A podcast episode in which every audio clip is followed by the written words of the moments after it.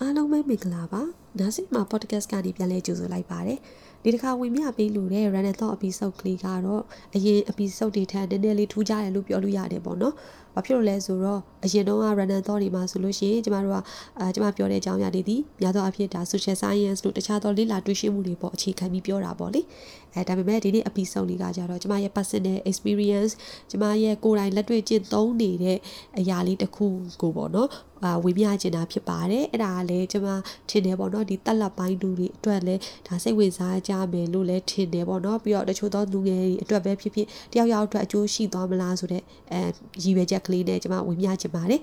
အဲအဲ့ဒါကတော့ဗာလဲဆိုရင်ကျမတို့တွေစုံမဲ့ချက်ချတဲ့အခါမှာပေါ့ကျမတို့ရွေးချယ်မှုတွေလုပ်တယ်စုံမဲ့ချက်တွေချတဲ့အခါမှာဘာတွေကိုအခြေခံပြီးစဉ်းစားပြီးကျမတို့ဆုံးဖြတ်ချက်တွေချလဲပြီးတော့အတက်နိုင်ဆုံးပေါ့ကိုချလိုက်တဲ့ဆုံးဖြတ်ချက်တိုင်းကိုမှန်ကန်အောင် ကျမတို့ဘလို့လှုပ်ဆောင်နိုင်မလဲဆိုတာပေါ့အဲ့အလေးနဲ့ပတ်သက်ပြီးကျမဆွေးနွေးလိုပါတယ်အဲကျမတို့တွေငယ်စဉ်ဘဝအစပြီးတော့ပေါ့နော်ဒါနေ့စဉ်ဘဝမှာဆုံးဖြတ်ချက်တွေချရတယ်တကယ်တော့ကိုယ်တွေမသိလို့တာပေါ့နေ့စဉ်ဘဝမှာကျမတို့စားတာဝတ်တာအိတ်တာကအစ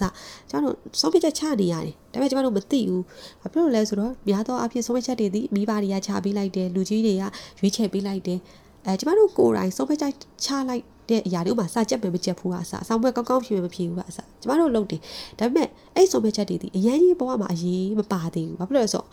ကျမတို့တွေအတွက်ဆုံးဖြတ်ချက်ချခဲ့လို့မှားသွားရင်တောင်မှကျမတို့အတွက်ထိခိုက်စရာနစ်နာစရာအရင်နေတယ်ဒါကြောင့်မလို့ကျမတို့ဆုံးဖြတ်ချက်တွေဒီ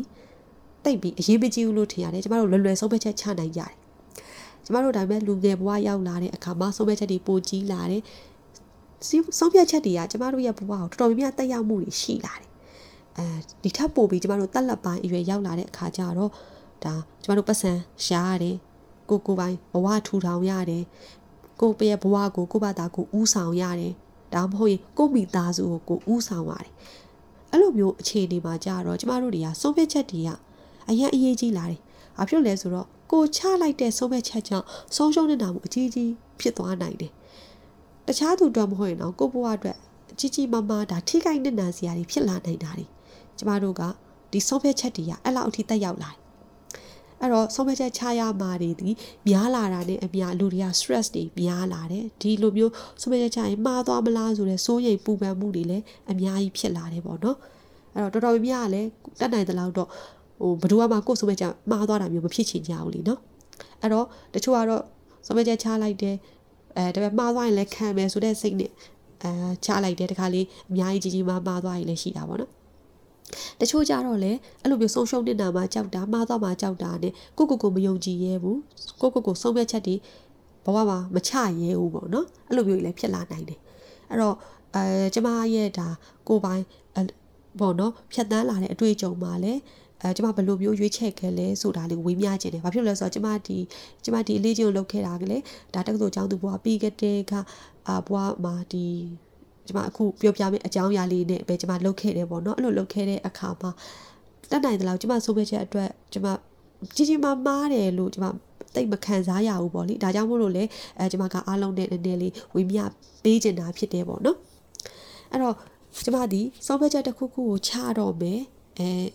ပေါ့နော်ပြီးတော့နောက်တစ်ခုဟိုပေါ့ option တွေရှိတယ်ကျမတို့မှာဘဝမှာရွေးချယ်စရာတွေရှိတယ်အဲ့ရွေးချယ်စရာတွေတခုခုကိုကျမတို့ရွေးချယ်ရတော့မယ်ဆိုရင် ကျမဘယ်လိုတွေးလဲပေါ့နော်အဲ့တော့ကျမများသောအားဖြင့်အချက်၃ချက်အပေါ်မှာမူတည်ပြီးစဉ်းစားတယ်ပေါ့ပထမအချက်ကကြတော့ငါဒီဆုံးဖြတ်ချက်ကိုချလိုက်လို့ရှိရင်ဘလောက်လောက်ပေါ့နော်ဟိုဒီဆုံးဖြတ်ချက်ကိုချလိုက်လို့ဆုံးဖြတ်ချက်မှားသွားခဲ့လို့ရှိရင်ဘလောက်လောက်ဒါဆုံးရှုံးနေတာမှုတွေရှိနိုင်မလဲပေါ့နော်အဲ့ဒါဒီမှာတစ်ချက်စဉ်းစားတယ်နံပါတ်1ကအဲ့ဒီဆုံးဖြတ်ချက်တွေမှားသွားလို့အဲ့ဒီဆုံးရှုံးမှုတွေရရှိခဲ့မယ်ဆိုလို့ရှိရင် ဆုံးရှုံးတဲ့နာမွေနဲ့ကြုံတွေ့ရမယ်ဆိုရင်ကျမဒီဆုံးဖြတ်ချက်အတွက်နောင်တရမှာလားပေါ့ပေါ့နော်ဟိုကျမစိတ်မကောင်းဖြစ်မှာလားနောင်တရမှာလားပေါ့နော်အဲ့လိုပဲဒါနောက်ဆုံးတစ်ချက်အနေနဲ့ကြားလို့ရှိရင်ကျမကကျမဒီဆုံးဖြတ်ချက်ချလိုက်တယ်ဒီရွေးချယ်မှုလုပ်လိုက်တဲ့အတွက်တစုံတယောက်ယောက်ကိုဘဝမှာထိတိခက်ခိုက်ဖြစ်သွားနိုင်မလားထိခိုက်သွားစေနိုင်မလားပေါ့နော် အဲ့ဒီသုံးချက်ပေါ်ကျွန်မမူတည်ပြီးစဉ်းစားပါတယ်အဲ့တော့ပထမတစ်ချက်ဒီ risk ကဘာတွေလဲပေါ့နော်ဆုံးရှုံးနေတာမှုဘယ်လောက်ရှိနိုင်မလဲအဲ့ဆုံးရှုံးနေတာမှုတွေကဘာတွေလဲဒုတိယတစ်ချက်ကကြတော့အဲ့ဒီဆုံးရှုံးနေတာမှုတွေရရှိခဲ့ရင်တော့မှကျွန်မကအဲ့ဒီဆုံးဖြတ်ချက်ကိုကျွန်မချခဲ့တဲ့ဆုံးဖြတ်ချက်အပေါ်ကိုနောင်တတွေရနေမှာလားစိတ်မကောင်းတွေဖြစ်နေမှာလားပေါ့တတိယတစ်ခုကကြတော့ကျမရဲ့ဆုံးဖြတ်ချက်ကြောင့်တခြားဘသုံးတယောက်ဘသူကိုနစ်နာသွားစေနိုင်မလဲပေါ့အဲ့ဒီသုံးချက်နဲ့ကျမအမြဲစဉ်းစားပါတယ်အဲ့တော့အဲ့ဒီသုံးချက်ပေါ် မူတည်ပြီးတော့မှကျမဒီဆုံးဟိုအဲ့ဒီဟာနဲ့အကိုက်ကြီးဆုံးအစီအပြေဆုံးဖြစ်တဲ့ option ကိုရွေးတယ်အဲ့ဒီနာနဲ့ပတ်သက်ပြီးတော့မှကျမကဆုံးဖြတ်ချက်တွေချလိရှိတယ်အဲ့တော့ဟိုဥပမာလေးတစ်ခုပြောရတာပေါ့နော်ကျမတို့ဒီအဲထားပါတော့အသက်မွေးဝမ်းကြောင်းတစ်ခုကိုကျမတို့တောက်တူပေးတဲ့အခါမှာရွေးချယ်ရတယ်အဲ့တော့ကျမအမြဲစဉ်းစားတာငါဒီဒီအသက်မွေးဝမ်းကြောင်းကို ဟိုကိုဒီတက္ကသိုလ်ကပြီးလာလို့ဒီအသက်မွေးဝမ်းကြောင်းနဲ့လုံပါလားဒါမှမဟုတ်လို့ရှိရင်ကျမဘယ်အသက်မွေးမှုလုပ်ငန်းလုပ်ပါလဲဘာလို့လဲဆိုတော့ကျမတို့တွေအသက်ကြီးတဲ့အထိဒါနဲ့ပေါင်းဖက်စွာတွေလုံလာမယ်အလုပ်ဖြစ်တယ်ဒါကြောင့်မို့လို့ဒီအလုပ်ဒီဒီဆုံးဖြတ်ချက်ချလို့ဒီလမ်းကိုရောက်သွားပြီဒီ career လမ်းကြောင်းတစ်ခုပေါ်ရောက်သွားပြီဆိုလို့ရှိရင်ကျမအသက်အရွယ်တစ်ခုရောက်လို့ရှိရင်ဒီဒီအသက်မွေးဝမ်းကြောင်းလမ်းကြောင်းကိုကျမရွေးချယ်ခဲ့တာဒီ ဟုတ်ပေါ့နော်ကျမဘဝအတွက်ဘယ်လောက်အကျိုးရှိနိုင်မလဲကျမရဲ့ risk တွေကဘာတွေလဲဘယ်လိုအခက်အခဲတွေရှိနိုင်မလဲကျမဒါကြီးစဉ်းစားတယ်တကယ်လို့ကျမရဲ့ဒီအသက်ဘဝကြောင်းလမ်းမှာကျမမအောင်မြင်ခဲ့လို့ရှိရင်ကျမဘာတွေဆုံးရှုံးနေတာမှုတွေရှိနိုင်မလဲပေါ့နော်အဲ့အမျိုးကျမစဉ်းစားတယ်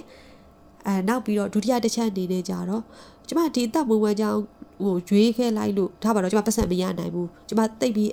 ထိထိ အောင်အောင်မြင်မြင်မဖြစ်နိုင်ဘူးပေါ့ကျမလိုချင်တဲ့အတိုင်းအတာတစ်ခုကျမမရောက်နိုင်ဘူးဆိုလို့ရှိရင်တော့ကျမဒီလမ်းကြောင်းကိုရွေးခဲ့တာဝမ်းနဲပါလားဒါကျမနောင်တရမှာလားစိတ်မကောင်းတွေဖြစ်နေရမှာလားကျမစဉ်းစားတယ်ဘာလို့လဲဆိုတော့လူဆိုတာကိုတကယ်ချစ်တဲ့အလုပ်ကိုလုပ်နေရပြီဆိုလို့ရှိရင်ကိုတကယ်သဘောကျတဲ့အလုပ်ကိုလုပ်နေရပြီဆိုလို့ရှိရင်အာဘလိုပဲဖြစ်ဖြစ်ပျော်နေမှာပဲလေနော်အဲ့လိုမျိုးကျမမြင်တယ်အဲ့တော့ကျမအမြဲတမ်းအဲ့အချက်လေးကိုပါကျမထည့်တွေးတယ်အဲတတိယတစ်ချက်ကကြတော့ဒါကျမတို့တွေ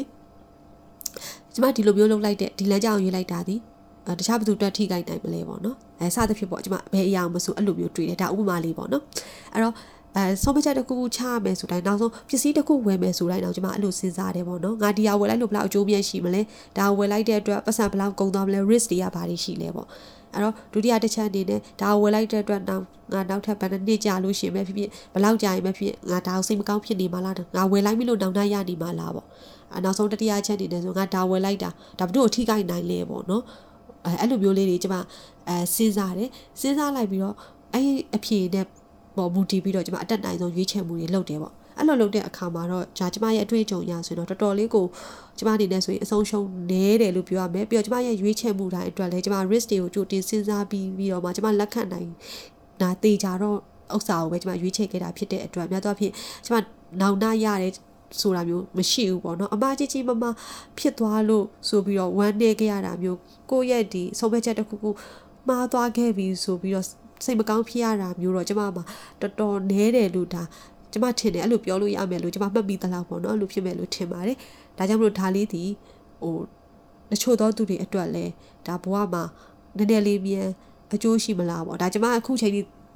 အသုံးဝင်နေတယ်ပေါ့နော်ကျမတို့ဘယ်လောက်ထိတော့ကျမဒါဆက်သုံးပြမလဲတစ်ချိန်မှာဒီ theory နဲ့လွဲပြီးတော့ဘယ်လိုဖြစ်လာနိုင်မလဲတော့ကျမမစုမသိနိုင်ဘူးပေါ့နော်ဒါပေမဲ့အခုချိန်ဒီကာလမှာတော့ဒါလေးကကျမတို့တော့အသုံးဝင်တဲ့ဒီလန်လေးဖြစ်နေပါတယ်ဒါကြောင့်မလို့ဒီ podcast လေးမှာလည်းအဲ့ဒီအကြောင်းအရာလေးကိုဝင်ပြပေးခြင်းဖြစ်တယ်ပေါ့နော်ဟုတ်ကဲ့ပါအခုလိုမျိုးနားဆင်ပေးတဲ့အတွက်လည်းကျေးဇူးအများကြီးတင်ပါတယ်အားလုံးပဲကျမဘေးကင်းကြပါစေရှင်